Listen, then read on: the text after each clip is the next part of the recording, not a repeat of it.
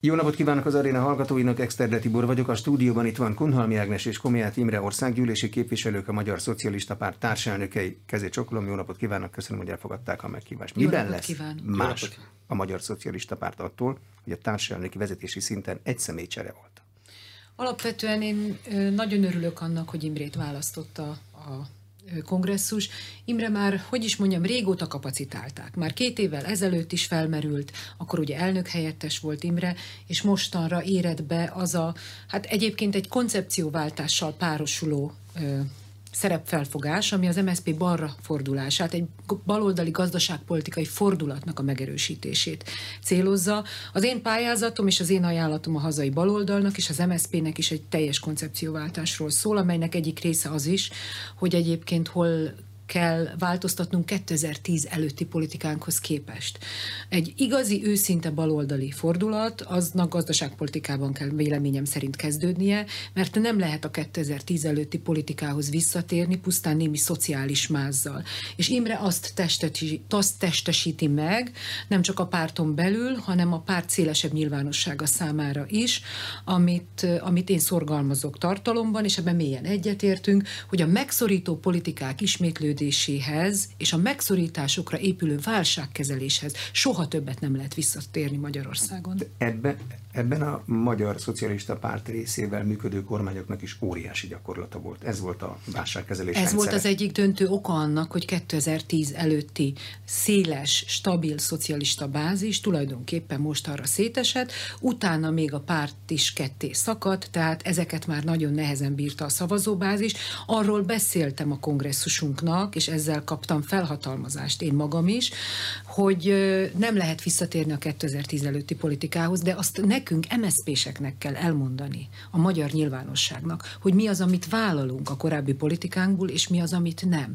Mert soha nem fogom megtagadni, és nem fogja a szocialista párt megtagadni, hogy 2002 után csökkentek a társadalmi különbségek, és csökkentek a jövedelmi különbségek, miközben a nerben nőnek. Vagy például azt, hogy a középosztály, ha lassan is, de izmosodni kezdett 2002 után. Sajnos a Nemzeti Együttműködés rendszerében csökkent folyamatosan a KSH, már a Fidesz által manipulált KSH adatok szerint is csökken a középosztály, az úgynevezett középosztálynak a jellege. De mondhatnám, hogy az oktatási erőfeszítéseinknek köszönhetően, és ugye azért tegnap is volt egy nagy tüntetés, 2009-re, tehát az utolsó teljes évünkre megjöttek a legjobb és nagyon jobb eredmények, tehát látszódott, és az, hogy tankönyvválasztás szabadsága volt, hogy tanszabadsága volt, ezeket nem fogom, vagy a, például a 13. havi nyugdíjnak a kitalálását, mert egyáltalán nagyon sok friss nyugdíjas nem tudja, hogy azt is az MSP vezette be, négy évig adtuk, és utána a Fidesz több mint tíz évig nem adta. Tehát ideje lenne neki egyébként még karácsony előtt, ha adnak még egy 13. havit, még akkor is iszonyatosan sok pénzzel tartozna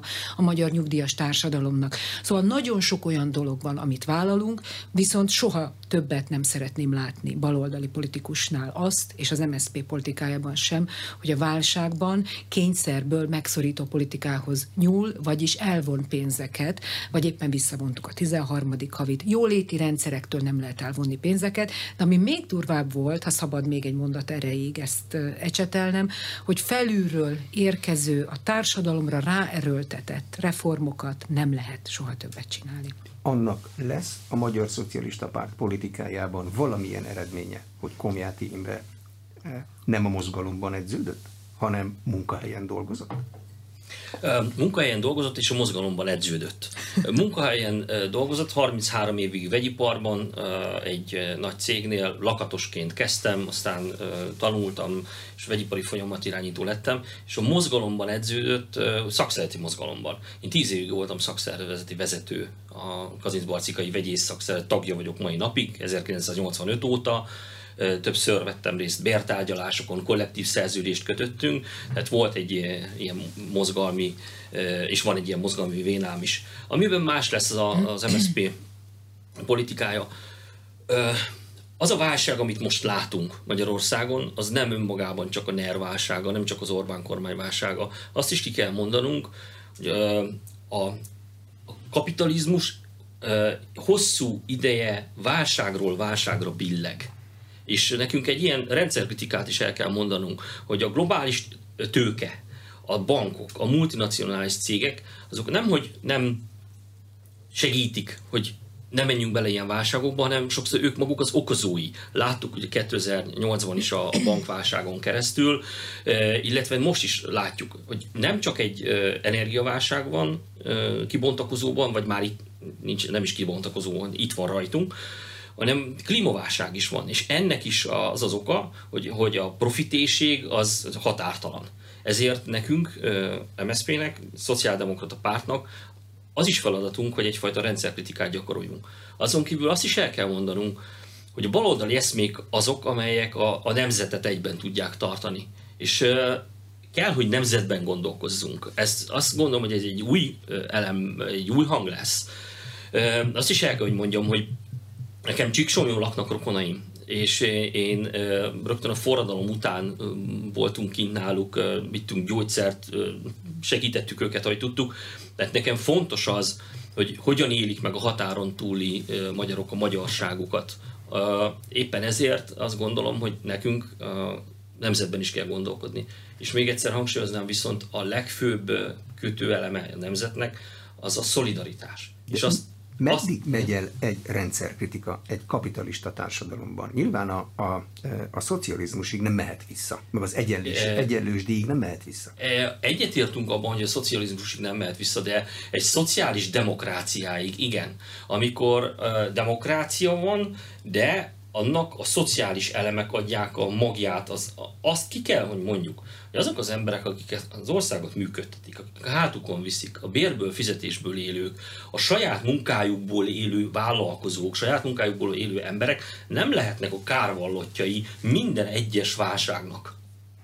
Ez ö, abban teljesülhet ki, hogyha egy ilyen szociális demokráciát tudunk létrehozni, az elosztáson azon változtatni kell. Kell, hogy a dolgozó emberek is részesüljenek a nyereségből. Egy példát mondok. Tudok olyan nagy cégről, ahol a 13 tagú menedzsment ugyanannyi bért visz haza, mint a 2800 dolgozó. Hát jól van ez így? Szerintem nem.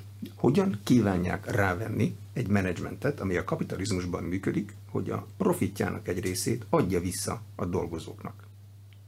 Hogy? Um, érdekelté kell tenni ebben a, a, a menedzsmentet. Ennek a módszereit meg fogjuk tudni találni. Hozzáteszem, annak idején az a cég, ahol én dolgoztam, mint említettem, 33 évig, ott ö, ö, volt egy olyan szándék, hogy a dolgozókat is tegyék érdekelté abban, hogy nem csak a, munkájukat adják, hogy például a dolgozói részvényeket hoztak létre. MRP programok, munkavállalói résztulajdonosi programok? Ilyeneket? Például, például. De nem menjünk ilyen messzire. Azt szerintem az első és legfontosabb az az alap, hogy a dolgozó embereknek nincs nagy igénye, ha azt mondhatom, jó munkakörülményeket szeretnének normális munkavédelmi rendszert szeretnének, hogy biztonságban érezzék magukat, hogyha reggel elmegy egy dolgozó és megöleli a családját, akkor tudja azt, hogy mikor hazamegy is még meg tudja ölelni a családját, mert van karja. Jelen pillanatban a magyar kormány szolgáltatja ki legjobban a munkavállalókat. Tehát a multinacionális cégek sokszor jobban odafigyelnek a dolgozóikra, mint a magyar kormány. Egy példát említenék, egy írásbeli kérdésben fordultunk Palkovics miniszter úrhoz, hogy az elmúlt három évben csak a kormány stratégiai partnereinél hány munkavédelmi ellenőrzés volt. Megdöbbentő volt a szám, átlagban a három év alatt 0,98 per stratégiai partner. Tehát még egy sem. Ez az egyik a eleme. Jó munkakörülmények, munkavédelem. A másik pedig a tisztességes fizetés. Az, hogy ne kelljen azon görcsölni a, a dolgozónak, hogy hogy fogja kifizetni a rezsiszámlát, a csekkeket, vagy hogy fog a gyereknek cipőt venni egyszer dolgozó ember munkáját, a szabadidejét, mindent feláldozza, akkor legyen már az biztosítva, hogy, hogy ő meg tud élni. Ehhez nekünk vannak és lesznek javaslataink, és még egy fontos dolog, amikor bejön egy ilyen válság, akkor viszont a, legyen egy védőháló amely megvédi az embereket, hogyha ne adj Isten munkanélkül maradnak. Például mi ezért mondjuk azt, hogy 9 hónapra kellene emelni az álláskeresési járadék idejét 3 hónapra. Azt értem, hogy lesznek javaslataik, de milyen eszközeik vannak? Azt látszik, hogy bizonyos szektorokban a munkavállalóknak vannak eszközeik, mert akik nélkülözhetetlenek és sztrájkfenyegetéssel élnek, érdekes módon meg szokott emelkedni a fizetés. A politikai beszédek hatására, javaslatok hatására a legritkább esetben. Nagyon nehéz nyilvánvalóan ellenzékben, főleg a NER 16 harmadik évében, szinte-szinte, amikor a politikai váltógazdaságot a Fidesz tényleg ellehetetleníti, és most már nem riad vissza a politikai retorzióktól sem, amikor például a pedagógusokat kirúgással fenyegeti, vagy éppen ki is rúgja, Ilyenkor nagyon nehéz az ellenzéknek is, de eh, nehéz mindenkinek, aki ezzel a rendszerrel szemben áll. Mégis a politikusoknak a legkönnyebb, mert csak meg kell nyerniük a választást. És onnan kezdve ők azt, diktálják a szabályokat. Én azt hát vissza is lehet élni. Tehát megnyerni is nehéz a választásokat, utána nehéz kormányozni is, már hogyha kétharmadod van, akkor nyilvánvalóan úgy alakítod a törvényeket, ahogy az neked tetszik. De amire vissza szeretnék csak egy példát mondani, hogy azért nem reménytelen ebben a rendszerben. A, a Paks egy 12 forintos áron állítja elő az áramot a magyar lakosságnak. Ugye most már tudjuk, hogy az önkormányzatok is beleférnének ebbe. Német Szilárd, amikor azt mondták, hogy a rezsicsökkentést megszüntetik, és ezáltal egyébként most már a NER is a megszorító politika útjára lépett, amely széles társadalmi tömegeket érint, tehát sajnos ugyanazt a politikát csinálja a NER-ben is a Fidesz. Ez volt az egyik legdurvább alappillére a NER-nek egyébként, hogy ők soha nem fognak bármilyen válság legyen, széles társadalmi tömegeket érintő megszorító politikát nem fognak alkalmazni a rezsicsökkentés megszüntetésével, vagy a kata eltörlésével, ugye a kisadózók adóemelésével, és nem ezzel nyertek választást, lássuk be, mert nem volt erről szó. Ennek az útjára lépett. Német Szilárd azt mondta, 250 valány forint lesz az áram, akkor az MSP egyszerűen megnézte a Paks honlapját. Tóth Bertalan frakcióvezetőn ki is állt azzal, hogy miért akarjátok ennyiért adni, és így lett 70 forint. Még ez is durva, és ezt is nagyon durván nehezen fogják a magyar családok, a középosztály és az az alatt lévők is kigazdálkodni az áram árának az emelkedését, de például meggyőződésem, hogyha mi ezzel nem állunk és nem hívjuk fel a figyelmet, akkor ez nem történik meg, hogy en, le, lecsökkentik ennek az árát. De azt gondolják, hogy a politikának van beleszólása abban, hogy mennyi legyen az áramára. Paks nem termel annyit, mint amennyi az ország szükséglete, a maradékot azt be kell valahonnan vásárolni annyiért, amennyiért, azt összekeverik, és így jön ki az ár. A politikának vannak lehetőségei, de egyébként, hogy mondjam, balgaság lenne magára hagyni azt a két millió szavazót, aki most az ellenzéki oldalra szavazott. Egyébként a legutóbbi országgyűlési választáson. Ma az MSZP-nek van egyedül egy olyan programja, Rezsistop program keretében, ami valódi válságkezelést jelentene a magyar társadalom széles tömegeinek, kiadási és bevételi oldallal alátámasztva. Tehát, hogyha holnap egyébként, és ez ott van a parlament előtt, ott van a kormány előtt, hogyha ezt megcsinálnák, akkor nagyon sok embernek lehetne könnyebbséget. Ilyen például az energia árának az áfa csökkentése. Ugye ez egy hatósági ára, itt a 27%-ról lentebb mennénk 5%-ra, azonnal olcsóbb lenne az energia a magyar családokban, és kevesebb lenne az a számla, úgymond, amit ki kellene fizetni. Ilyenkor államháztartási egyensúly nem számít, az áfa bevétel az bemegy a közösbe. A bevételi oldalt majd mindjárt megmondom, hogy hol. De például fontos eleme annak az is, hogy egy meghatározott kilovatmennyiségű áramot és meghatározott köbméter gázt a magyar családoknak alanyi jogon, a lakóhelyhez kötötten, tehát hogy ne a nyaralott fűtség, nagyon kedvezményes tarifán és nagyon kedvezményes áron kapják. Ez is nagyon nagy mértékben csökkenteni egyébként a,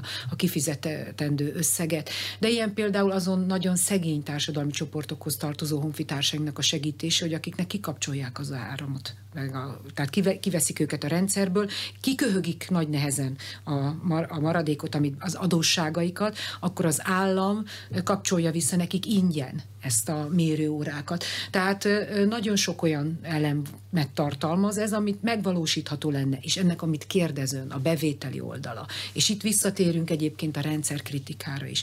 Ne haragudjon, szerkesztő úr, de én szocialista emberként nem bírom elviselni, és nagyon nehezen vesszük tudomásul, hogy ma a nagy tőke és a globális tőke alacsonyabb kulcson adózik ebbe az országba, mint a polgárok. A polgárok 15%-on fizetnek adót, a nagy tőke, általában a tőke 9, sőt az állami kedvezményekkel ez néha csak 3-4 százalék.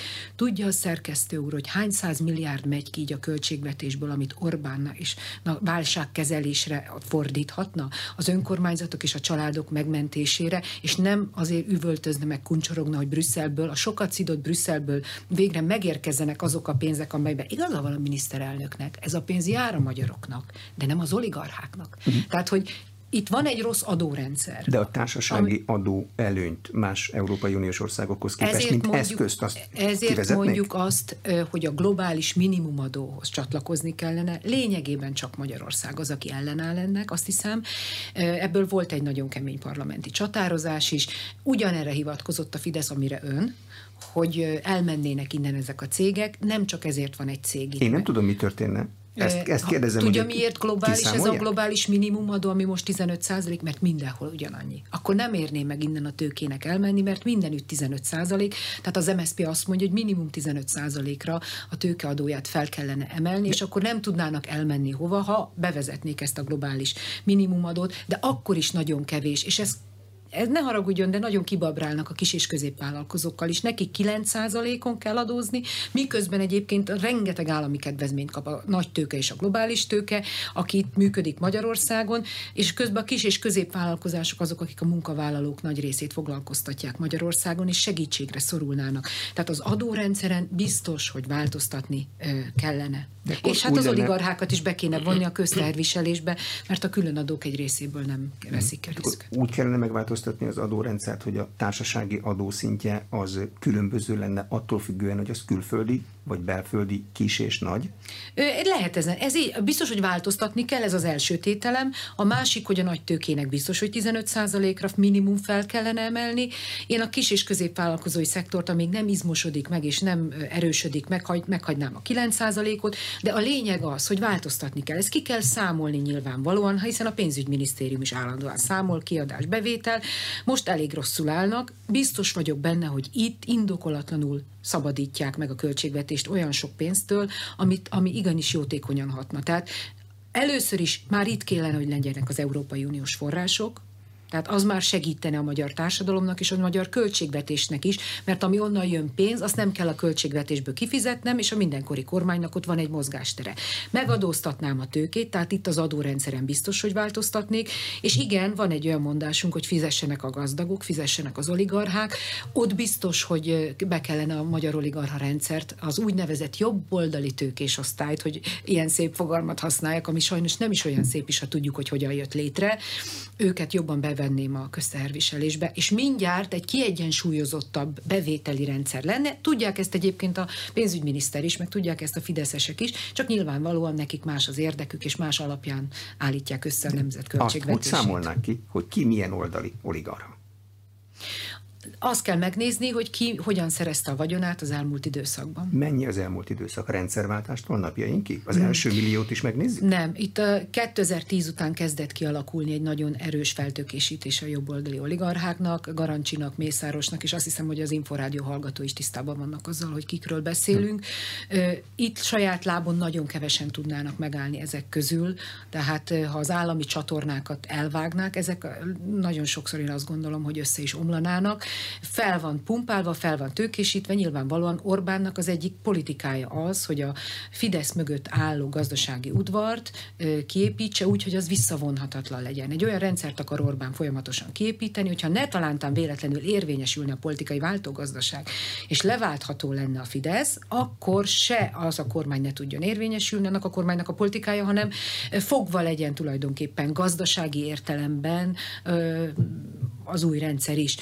Itt viszont azért nem mozgásképtelen a mindenkori új kormány, nyilván mi máshogy csinálnánk, mint ahogy most a Fidesz csinálja. Mi lesz a Magyar Szocialista Párt fő mondani valója? És az meddig lesz? Mert most éppen egy válságidőszakot élünk, és azt értem, hogy ilyenkor mindenki, főleg egy baloldali párt, a munkavállalók érdekével foglalkozik.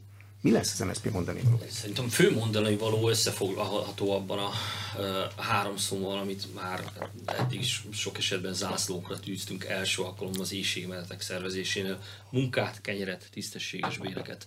Munkát mindenkinek, aki tud és akar dolgozni. Kenyeret azoknak, akik valamilyen oknál fogva nem tudnak, ott, ott segítséget kell nyújtanunk az elesetteknek, a, a lecsúszóknak, és hát tisztességes béreket kell adni azoknak, akik, mint említettük, munkájukból élő embereknek, akár, és ebben beletartoznak a munkájukból élő vállalkozók is. Ez szerintem az eszenciája egy szociáldemokrata politikának, és azt mindenképpen hangsúlyozni kell, hogy egy, egy, egy szolidáris és egy gondoskodó állam kell létrejönnie, mert az ne, egyszerűen nem megengedhető, hogy ma Magyarországon például az dönti el, hogy egy gyermekből mi lesz, hogy ho, hova születik, milyen, milyen családba. Nem megengedhető, hogy még mindig 500 ezer gyermek sokszor éhezik, és ezt hozzáteszem, nem biztos, hogy mennyiségi éhezés, minőségi éhezés, magyarán mondom, nem jut megfelelő táplálékhoz nem megengedhető az, hogy például most a, a Nemzeti Foglalkoztatási Szolgálat regiszterében 200 ezer ember van munkanélküliként regisztrálva, akinek a fele semmilyen ellátást nem kap. Vagy nem megengedhető azt, hogy miközben Fülöp-szigetekről, külföldről kell munkaerőt hoznunk, és ez nem a külföldi munkavállalók ellen szól, félreértés ne essék, hanem az, azért, azért beszélünk erről, hogy külföldről kell munkaerőt hozni, miközben Magyarországon van munkaerő tartalék. Ha újfent megnézzük ezt a regisztert, hogy, hogy mit látunk benne, 70 2000 ember van most benne, aki 55 év fölötti. 19 ezer, azt hiszem a, a száma azoknak a fiataloknak, akik 25 év alattiak. Úgy kerülnek ki az iskolából, hogy gyakorlatilag egyből munkanélküliek lesznek. A, tehát visszatérünk oda, amiről Ágnes is beszélt, hogy az oktatási rendszer e, egyik rákfenéje, hogy e, úgy kerülnek például szakmunkás képző vagy szakképzésbe e, gyerekek, hogy félanalfabéták. Nem tudnak írni, probléma. igen, nem tudnak, nem tudnak írni, olvasni. Ezért nekünk már a, a választások alatt is programunkban benne volt az a javaslat, hogy kellene csinálni egy országos kompetenciamérést, és aki nem tudja az általános iskolás gyerekek közül, aki kimegy mondjuk egy szakképzésbe, nem tudja megugrani azt a szintet, hogy nem tudja tényleg számolni, írni, olvasni, akkor nekik kell egy felzárkóztatási programot indítani, mert ez, ez hosszú távon a, a nemzet sorsa múlik rajta. Így van. Tegnap beszéltem pont kint a tüntetésen fiatalokkal, és megkérdezték, hogy, hogy én hogy látom, hogy mondom vidékről, hogy én, ahol én élek Edenényben, hogy az oktatásnak mi a legnagyobb problémája. Konkrétan az, hogy a két legfontosabb dologra nincs idő, energia, pénz. A felzárkóztatásra és a tehetséggondozásra. Sok esetben egy vidéki kis településen lévő iskolában a tanár, a tanító idejének a 80% az fegyelmezéssel telik, és eszköztelen, és kiégett, és alatt, alul fizetett, ez pedig az elvándorláshoz vezet. Nemzetünk sorsa múlik azon, hogy mi lesz az oktatással. És bocsásson meg, szerkesztő, de hagyj utasítsam vissza a kormánynak azt, hogy itt tulajdonképpen az oktatás ugye nemzeti ügy, és folyamatosan azzal vádolja a pedagógusokat, meg a diákokat is a kormány, hogy csak a pénzért teszik. A miniszterelnök elmondja Zalaegerszegen, hogy ez csak Budapestnek a belügye, és hogy a vidékkel nem foglalkozik az ellenzék. Ez mind nem igaz. Egyrészt a vidéken is van elégedetlenség. Több mint száz iskola, ha jól tudom, csatlakozott, és egyre többen csatlakoznak vidéken. Miskolcon is nagy tüntetés volt, Szegeden is megmozdultak. Ez ellen az oktatási rendszer ellen, és igenis nem csak a pénzről szól, szól ez, mert pénz fontos, de nem elégséges eszköz arra, hogy Magyarországon jó oktatást csináljunk, hogy szabad legyen a tanítás, hogy szabad legyen a tankönyvválasztás, hogy a pedagógusoknak meglegyen a lehetőség, hogy differenciáltan közelítsenek a különböző családokból érkező gyermekekhez. Én nagyon-nagyon el vagyok keseredve, hogy a NER 13. évében majdnem százezer, hanem több már, mint százezer gyerek esett ki, hogy Imre mondta, funkcionálisan analfabétán az iskolarendszerből. Ez megengedhetetlen. Hát Hát ki fog ebbe az országba termelni? Ki fogja ezt a drága nemzetet felemelni? Mi az MSZP viszonya? a most már hosszú ideje tartó, igen nagy pedagógus melletti tüntetésekhez. 23-án ott volt a két nagy pedagógus szakszervezet, meg még hét másik szakszervezet, a vegyipartól kezdve a közlekedésiekig. De politikusok nem igen látszottak. Szolidárisak vagyunk, és az, az a viszonyunk, ami eddig is, hogy a politikusoknak a feladata az, hogy kihangosítsák ott, ahol az ők vannak. A televízióban és a parlamentben, és itt az inforádióban is azoknak a hangját, akik egyébként kiabálnak nagyon régóta. De beszállnak a szervezésben, mert ez egy nagyon vékony jég. Van, aki azt mondja, hogy mindenképpen be kell szállni, van, aki azt mondja, hogy nem. Ez a kormány propagandisztikus ez, ez, ez, hogy, hogy mondjam el, hogy a rabszolgatörvény ellenes tüntetéseknél is ugye több, több tüntetés volt.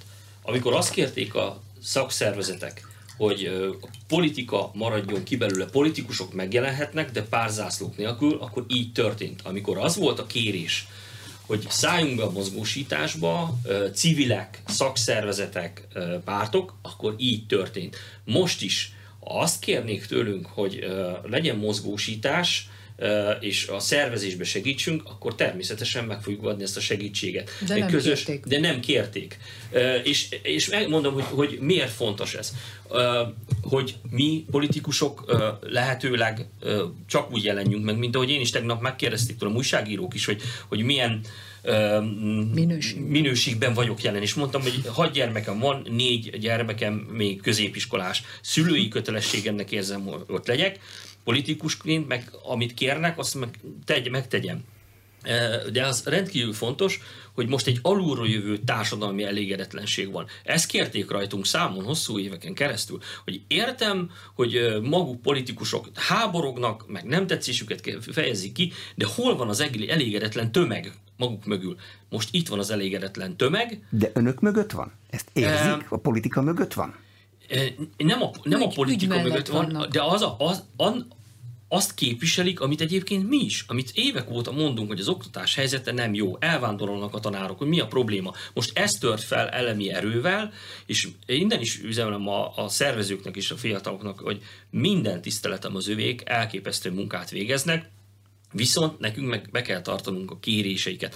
Ha az a kérés, hogy mi csak a parlamentben zenésítsük meg ezt a történetet, és mondjuk el a, a követelésékeit, vagy világítsunk rá erre a helyzetre, akkor ezt tesszük. És még egy dologra emlékeztetném a hallgatókat.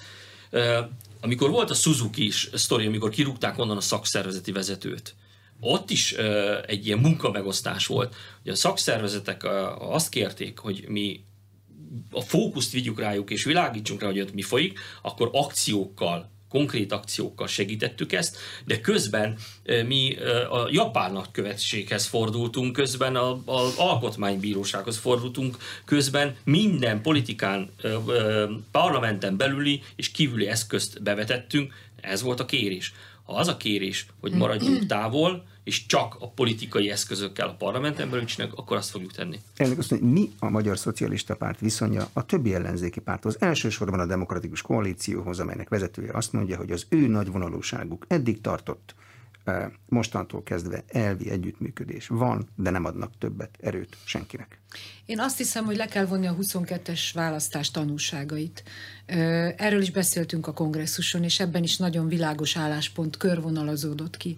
Egyrészt politikai értelemben világos az MSZP számára, hogy a 22-es választás egyik legfontosabb tanulsága, hogy ezt a jobboldali autoriter rendszert, ami egyre inkább kiteljesedőben van, nem lehet egy jobboldali miniszterelnök jelöltel leváltani. Úgyhogy mindenféleképpen az MSZP arra törekszik, hogy a legközelebbi előválasztáson legyen saját jelöltje, mert az MSZP-s jelölt tudja megalkuvás nélkül azt az igazi baloldali politikát, igazi szocialista, szociáldemokrata politikát képviselni, amelyről itt már beszélünk is. Lesz előválasztás legközelebb, ebben ön biztos? Mi, én, én azt gondolom, hogy az MSZP kiáll mellette, mert nem csak addig kell kiállni egy előválasztás mellett, amíg a saját jelöltem a porondon ott van, hanem akkor is, amikor éppenséggel visszalép, és az előválasztás egy ilyen autoritár rendszerben egy demokratikus eszköznek tekintem. Természetesen az önkormányzati választásokon, ami a közelgő, ugye az lesz most leghamarabb választás, helyben döntsék el egyébként a felek, hogy kívánnak előválasztással élni, vagy sem, vagy megállapodnak egyébként közös jelöltekben, mert meggyőződésem, hogy csak együtt fog menni. Nem azzal volt a baj, és ez is egy nagy tanúság a 22-nek, a, mint a mostani választásoknak, hogy összefogtunk, mert összefogás nélkül még ennyi jelöltünk se jutott volna be, közös jelöltünk, még ennyi szavazatot se kaptunk volna a választásokon, de az összefogás az nem cél, hanem egy eszköz. És innen kanyarodok az eredeti kérdésére, hogy az MSP hogyan áll a többi párthoz. Én azt gondolom, hogy, és elnézést, de ezt az Imrétől hallottam és tanultam meg, de ez egy nagyon jó mondás, hogy nem lesz az MSP többet akkumulátorpárt. Az MSZP-nek van ma egyedül átfogó országos hálózata. Az MSZP minden tudását, know-how-ját, szellemi erejét, technikai eszközét odatta a többi pártnak egy magasabb eszméért, az összefogásért, mert hittünk benne. De olyan nincs, hogy utána, mint az akkumulátorokat egyébként mérgezőnek tekintenek, és utána kellemetlenné válunk. Az MSZP én azt gondolom, hogy összefogásra kész, tehát az MSP együtt akar működni másokkal, mert ebben a rendszerben, ilyen választójogi törvény mellett, ilyen média viszonyok mellett nem lehet máshogyan eredményt elérni a ö, Fidesz-szel szemben, viszont ö, mi csak azoknak a tenyerébe csapunk bele, akik őszintén a miénkbe is. Aki viszont az MSP felé nyújtja a kezét, legyen az szakszervezet, civil szervezet, vagy bármelyik ellenzéki párt, és belenéz a szemünkbe őszintén, azoknak mi őszintén visszanézünk a szemébe, és azt mondjuk, hogy igen, akkor együtt csináljuk, és bízhatnak bennünk, ahogy bízhatnak a szavazók is. Én azt hiszem, hogy nagyon-nagyon sok százezer ember várja, hogy régi MSP visszatérjen a porodra. Látják-e már, bocsánat, csak még ez nagyon ide tartozik, az európai parlamenti, meg az önkormányzati választás indulási technikáját, külön igen. jelölt nagyon Együtt. adekvát kérdés, nagyon-nagyon fontos kérdés, amit feszeget. Először is érteni kell, hogy miért tolja össze a Fidesz az európai parlamenti választást az önkormányzati választással. A hagyományosan alacsony ön, ö, európai parlamenti választásnak így magasabb lesz a küszöbe, hiszen az önkormányzati választáson többen mennek el, de ami a legfontosabb, hogy nem az lesz a kérdés, attól félek az önkormányzati választáson, hogy mi a polgármesterek hogyan kezeltek válságot, hogy a kormány helyett a pandémia idején hogyan oldottak meg feladatokat, hogy hogyan segítenek még mindig azoknak az iskoláknak, akiket kivettek az önkormányzatok kezéből, de még mindig az önkormányzatok mennek el, és az önkormányzati gondnok segít, mert egyszerűen nem bírja nézni a polgármester azt, hogy, hogy az állam ennyire lerombolja, meg lerohasztja elnézést, de sajnos sok helyen így van az iskolákat.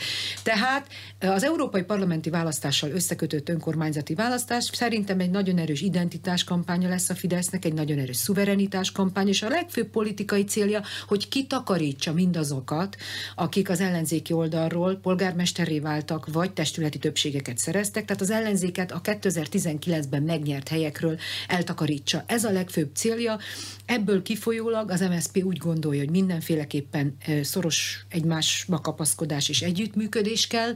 Ezeket a párbeszédeket minél hamarabb el kell indítani, lehetőleg már tegnap, mert hogy készülnünk kell, mert közeledik ez a választás, és én azt gondolom, az MSZP úgy gondolja, hogy egy közös listában kellene indulnunk az európai parlamenti választáson is, hiszen is. így tudjuk, így, hát az európai uh-huh. parlamenti választáson, mert ugye az önkormányzatit azért nem tudom, mert itt 3000 valahány száz településnek valahol vannak olyan együttműködések, ahol nem pártok álltak össze, hanem van egy civil szervezet, ugye, és annak a keretében indultak el, és azt támogatják a pártok. Tehát ahány hely, annyi szokás mondani Ez szokták. Külön, külön le kell tárgyalni. Az külön van, így van. Az európai igen. parlamenti választás, és itt majd Imre megerősíti ezt, közös, közösen szeretnénk indulni, de ha... Uh, igen, tehát röviden összefoglalva, a 2019-es receptet kínálnánk az önkormányzati választásoknál, helyben teljes autonómiát kínálva a helyi szervezeteinknek, döntsék el, hogy ernyő szervezetben önállóan milyen szövetséget kötve hogyan. Az európai parlamenti választásnál a közös lista lenne az észszerű, de ha lesznek olyanok, akik külön utat választanak, akkor az MSZP fog kezdeményezni egy külön baloldali lista állítását. Pontosan így. Árnyék kormányt csinálnak-e? Ó, oh, szerintem én a, na, nagyon világosan látni kell. Árnyékkormányt nem a választások után, főleg nem egy ilyen elvesztett választás után, hanem a választások előtt szoktak létrehozni általában. Mindig választások előtt vagyunk. Végül is ezt, ezt nagyon jól látja, és attól függ, hogy honnan nézzük, ott a pont, de hogy viccet félretél, és nem is olyan vicces, mert szerintem ez egy fontos eszköze lett volna egyébként az egész ellenzéki oldalnak. Ezt a szavazók eldöntik, hogy most ezt az árnyék kormányt elinflálják vagy sem. Én ezt a DK belügyének tekintem. Az MSP biztos, hogy sokkal szélesebbre tárta volna ennek a kapuit. Nem egy párti árnyék kormányban gondolkodtunk volna, és nem csak politikusokban, bár én általában a politikai kormányzás híve vagyok, de a szakértőket sem mellőztem volna. Azt kell megérteni, hogy egy árnyék kormány akkor tud sikeres lenni ebben a nemzeti együttműködés rendszerében, ilyen politikai körülmények és viszonyok között, ha az az ellenzéki oldal nagyon sok színű és széles szavazóbázisára közel azonosan jó választ tud adni. Tehát, hogy ennek a, a, a mi, a MSZP-sek abban vagyunk érdekeltek, hogy ebből a most megkapott két millió szavazóból két és fél, két egész hét millió legyen, és ne egy másfél. Ezt kell nagyon világosan megérteni, és mi ehhez adjuk a szövetségünket a választóknak is, és a többi pártnak is. Pillanat, csak annyit szeretném hozzáfűzni, hogy én azt gondolom, hogy a, a szimplán a Duma ideje lejárt, cselekvésre van szükség. Önmagában az már kevés, és én óvnám magunkat, mint MSZP-t attól, hogy akármilyen árnyék kormányt hozzunk létre, és kiálljunk sajtótájékoztatókra. A társadalmi bázist kell megerősíteni, társadalmasítani kell a politikát. Oda kell menni a helyi szervezetekhez, oda kell menni a, a, az aktivistáinkhoz, oda kell menni az önkormányzati képviselőinkhez, és meg kell erősíteni azt a társadalmi bázist, amire építkezhetünk. Mi, a mi hálózatszervezőink, aktivistáink, önkormányzati képviselőink, mindenki, aki az MSZP-hez tartozik, azt a feladatot fogja kapni, hogy ezt, ezt a munkát végezze el.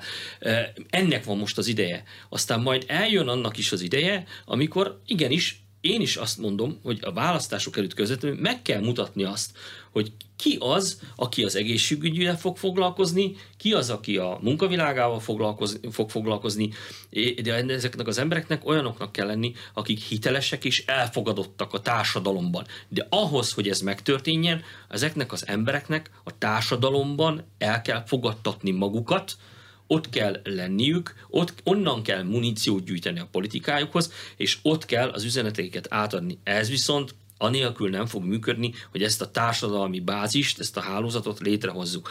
Az MSZP el, elsősorban most egy a társadalmi baloldal összefogásában keresi a megoldást. Először azokat az embereket kell magunkhoz gyűjteni, akik lehet, hogy közvetlenül nem csatlakoznak egy baloldali párthoz sem, akár az MSZP-hez sem, de baloldaliaknak vallják magukat, és egy ilyen társadalmi baloldal tud létrejönni. Igen. Hol akarnak erősödni? Míg az MSZP ereje végtelen, és azért van Budapest, ahol nagyobb sikereket szoktak elérni, meg vannak vidéki területek, ahol meg kisebbeket, bár vidéken is van. Na, MSZP siker.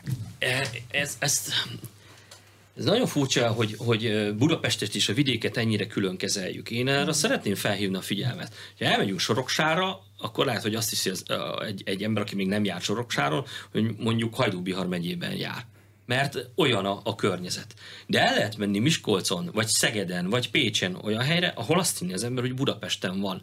Nincsenek akkora kulturális különbségek, és nincsenek akkora ö, ö, politikai különbségek, a, hogy ennyire ketté választjuk. É, rendkívül fontos Budapest, rendkívül fontosak a vidéki városok, és rendkívül fontosak a vidéki kisebb települések. De azt azért látni kell, hogy az erőforrásaink nem elegendők mindenre. Azt is látni kell, hogy a legkisebb vidéki településeken ott olyan szinten kiszolgáltatottak az emberek azért, mert mindenki ismer mindenkit. Ott rögtön tudják, hogy ki hova van bekötve idézőjelbe. Rögtön tudják, hogy ha, ha valaki baloldali, jobboldali. Ezért ott nagyon óvatosan kell ezt kezelni. Hogy a közmunkás Titkos sejteket fognak csinálni olyan területeken? E, e, Ezek e, megvannak. Tehát azt, kell, azt kell látni, hogy 300 alapszervezete van az MSZP-nek, de iszonyat sok helyen vannak MSZP-sek. Mindenhol vannak MSZP-sek az országban. Azt úgy értse, hogy van egy 5000-es település, ott is megvan az a 15-18 ember, aki szocialistának vallja magát, de amit mondtam, hogy az Imre úgy fogalmazza, hogy mindenki ismer mindenkit, én erre úgy fogalmazok, hogy függőségi viszonyok milliói miatt, amit a Fidesz kialakított, hogy az önkormányzatokban csak a fideszesek vannak, hogy a közmunkán keresztül annó csak a fideszes, Fidesz ö, ö, volt, a média, médián keresztül is csak ö, ö, őket lehetett hallani, tehát elbújnak ezek az emberek, mert egész egyszerűen helyi nem merik elmondani, hogy ők valójában baloldali érzelműek, hogy szociáldemokrata érzelmű emberek, és nem feltétlenül értenek egyet, de féltik nyilvánvalóan a gyereküket, az unokájukat, aki már nyugdíjas, az mondjuk kicsit jobban merészel szólni, vagy beszélni, de hogy nyilvánvalóan nagyon precízen kiépítette a Fidesz azt a rendszert, hogy nem merjenek, és erről szólnak a pedagógusoknak a kirúgása is, a példamutatás. Nem merjetek tovább tüntetni, nem merjétek kinyitni a szátokat, mert holnap el ki penderülni, és ezért mennek te, tegnap is több tízezeren az utcára, hogy biztosítsák őket arról, hogy nincsenek egyedül, és hogy nem szabad hagyni, hogy elmenjen, vagy kiteljesedjen a Fidesznek az a rendszere, amit folyamatosan épít. Milyen lesz a párt vezetés, meg a párt viszonya a frakcióhoz? A pártnak van frakciója, a frakciónak van pártja, Tóth Bertalan korábbi elnök frakcióvezető marad-e, technikai, Ezt meg elvi bizton, kérdések. Bizton mondhatom. Egyrészt, ha, amióta az MSZP megalakult, mindig a pártvezetés volt a fontos, tehát a pártnak volt frakciója. De Tóth Bertalan is, amikor egyébként összefonódás volt, ő maga is így látta. Nagyon jó és nagyon kiegyensúlyozott a viszony. Egy nagyon-nagyon jó csapat van az MSZP-ben. Külön boldog vagyok egyébként, hogy stabilan tartja Tóth Bertalan a frakciót, és még boldogabb attól, hogy képzelje el szerkesztő, a, nő, a női kvótán felül jutottak be az elnökségbe a nők, és az ifjúsági kvótán felül jutottak be az elnökségbe az ifjak. Egészen döbbenetesen sok fiatal és sok ki se számoltam még tényleg, de az most jut eszembe, hogy mekkora az átlag frakcióvezető. Persze, ja, hát ez evidencia. evidencia. persze, persze, persze. Tehát, hogy nagyon, nagyon jó az együttműködés, és nagyon sok új energia jön be. Sok a fiatal, sok a nő, és én azt várom tőlük, hogy kezdjenek el szerepelni, és beszéljenek arról, hogy ők miért akartak szerep, miért akarnak szerepet vállalni. Hogy fogják megoldani a párt európai parlamenti képviseletét? Újhelyi István kiszállt, nem volt különösebben szép a történet. Hát nem, és nagyon sajnálom, és én, ha visszajönne holnap, tártkarokkal várnám, mert mai napig nem tudom, ő volt a listavezető várományosunk mindegy, nem is akarok már erről beszélni. A saját honlapjukon is részletesen dokumentálta. Ah, sajnálom. Szerintem, szerintem ő már ezt megbánta, de alapvetően én nagyon jó szívvel gondolok ettől függetlenül Istvánra. Az Európai Parlamentben nincs képviselőnk, viszont most jöttünk haza Berlinből az Európai Szocialisták párt, pártjának a kongresszusáról, ott viszont a legstabilabb közel 20 éve tagja az MSZP-nek. Zitát hetedszer választották. választották, választották meg Gurmai Zitát képviselőtársamat, képviselőtársamat munkatársunkat az Európai Nő Szövetség elnökének. Ez a legmagasabb pozíció a baloldali európai párcsaládon, egyik legmagasabb pozíció a baloldali európai párcsaládon belül, és olyan stabil helye van Magyarországról az MSZP-nek, hogy továbbra is az egyedüli tagja. Tehát nincs, nincs más, aki szavazati joggal ott tag. Rendkívül nagy a, a, az elismertségünk, nagyon jó az elmúlt közel 20 éves működésünk, és hát Tüttő Katalin, aki egyébként a Régiók Bizottságának az egyik vezetőségi tagja, ő, ő legutóbb is iszonyatosan nagy munkát végzett, önkormányzati területtel foglalkozik, létezik itthon is és Európában is, tehát ő például egy nagy, nagyon-nagyon erős tartalék, akkor ott van Zita. Andor de László. Andor Lászlót is említhetném, aki Euró, hát igen, hát el is felejtem az igazi, még, még mondani, nagy ágyút. hogy nagy ágyút, hát volt szocialista biztosunk, ugye, Magyarországról, és az elnökség tagja lett. Tehát jelentkezett az MSZP-be szerepre, és azt mondta, hogy nagy gyerekek, akkor most összekapjuk magunkat, és újra, újra, újra rajzoljuk a helyzetet. Az MSZP értékei maradtak, Európában stabil a helye, úgyhogy innentől kezdve én remélem, hogy mindenki aktivizálja magát, és még egy fontos üzenetem volt nekem is, és Imrének is, kettőnk fontos üzenete volt a kongresszusnak. Mi nem akarunk hátrafelé nézni. A sértettségből nem lehet új politikát építeni, de még új Magyarországot se, vagy fogalmazhatnék úgy, se nem lehet új Magyarországot építeni, de még új politikát se. Szeretnénk békét kötni mindenkivel, azokkal is, akik adott esetben elbizonytalanodtak a pártba, vagy elmentek ebből a pártból, ha nem akarnak visszajönni, akkor, akkor figyeljék azt, hogy egyébként milyen jó dolgokat mondunk, és milyen jó dolgokat fogunk Úgy csinálni a következő. Katalinról, Tüttőkatáról jut eszembe. Uh-huh. Azt eldöntötték, hogy a következő önkormányzati választáson felállnak-e Karácsony Gergely főpolgármester mögött, vagy nem? Karácsony Gergely, egyrészt nincs még itt az ideje erről beszélni. Én azt gondolom, hogy Gergő az első olyan főpolgármester, Karácsony Gergely, elnézést, csak van egy régió viszonyunk, és, és aki, aki ilyen sok válsággal szerintem egyik főpolgármesternek se kellett szembenéznie. Gondoljunk bele a pandémiára, gondoljunk az Orbáni elvonásokra, iszonyat tacsra tette az önkormányzatokat a miniszterelnök. Egy-két fideszesnek persze visszaadta, amit elvett, de a többsége most azért, most már a fideszeseknek is kiabál, hogy ez így nem lesz jó, például a rezsiszámlák tekintetében, de akkor, tehát, hogy nagyon sok válság ellenére a főváros él és működik, és leszámítva a kormányjal vívott csatákat, én azt gondolom, hogy, hogy ez egy óriási teljesítmény a főváros részéről, és nem különösen megtűtő Katának köszönhető az, aki az egyik legnehezebb területet viszi, és Karácsony Gergelyel együtt talpon tartják az üzemeltetést, ugye? Tehát azért az, hogy megy a villamos, hogy elviszik a szemetet, hogy azért, azért folyik a csapból víz, és azért úgy az emberek nem azt érzékelik, hogy háborús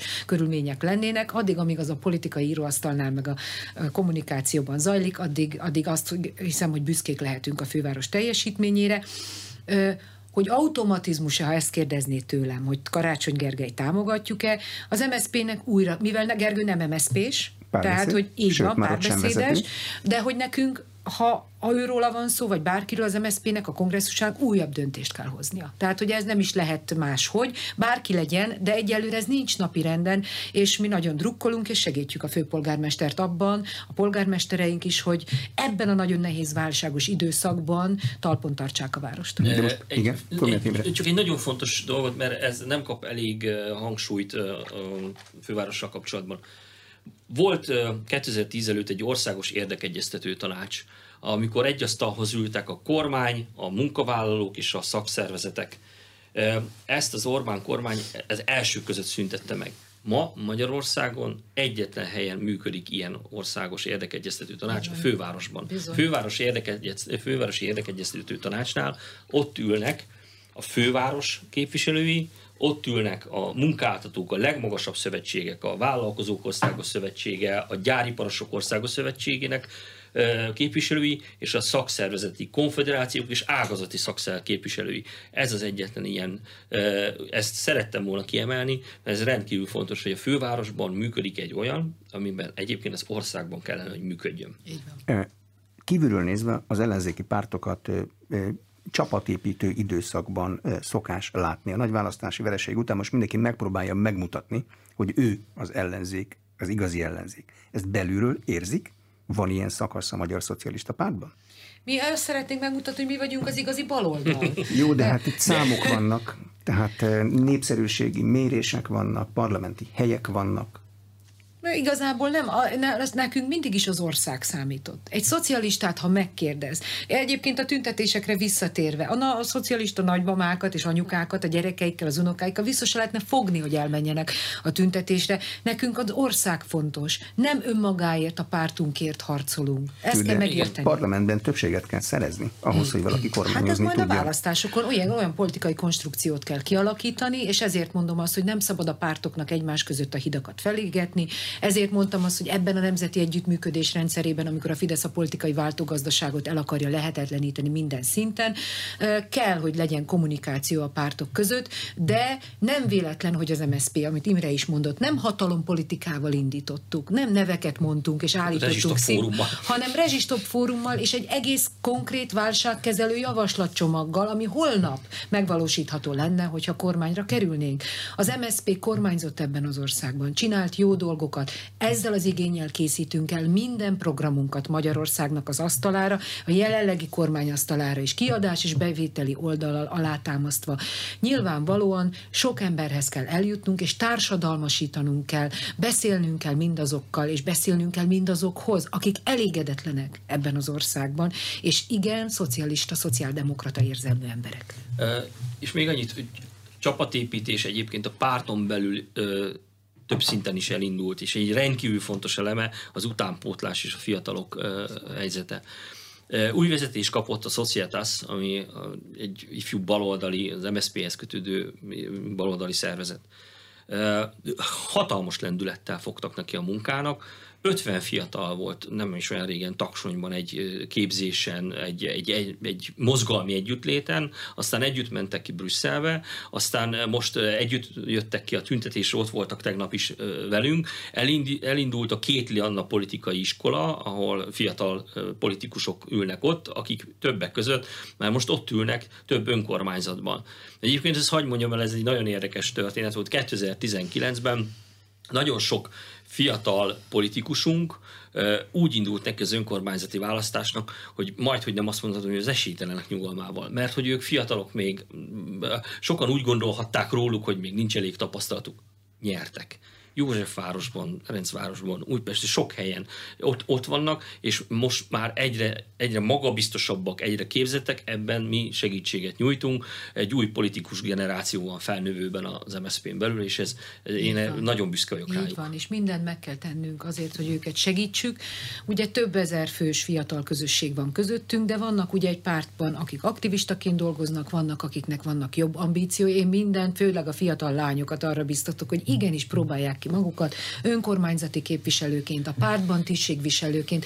Tehát aki engem is és Imrét is megkeres, csak mondjuk, hogy igenis csinálják, mert senki nem az anyja hasába tanul meg politizálni, és hogy ez egy teljesen természetes folyamat. Biztos, hogy mindent megteszünk Imrével, hogy aki szeretne szerepet vállalni, vagy kipróbálni magát, az jöhet az MSZP környékére, nem kell belépni feltétlenül a pártban, van a pártoló tagságunk, van egy ilyen dolog, de egyébként, ha csak hozzánk csapódik, tegnap is rettentő sokan jelezték, hogy szeretnének velünk. A rezsistoppal kimegyünk egyébként az utcára, tehát alá lehet írni mindenkinek, hogy máshogy kellene a válságot kezelni, nem megszorításokkal, mint amit Orbán csinál, úgyhogy itt is sok fiatallal fognak találkozni. Köszönöm a tájékoztatást. Az elmúlt egy órában Kunhalmi Ágnes és Komját Imre országgyűlési képviselők, a Magyar Szocialista Párt társelnökei voltak az Inforádió arénájának vendége. A beszélgetést a rádióban most felvételről hallották, és az infostart.hu oldalon is figyelemmel kísérhetik. A műsor elkészítésében Módos Márton főszerkesztő vett részt. Köszönöm a figyelmet, Exterde Tibor vagyok.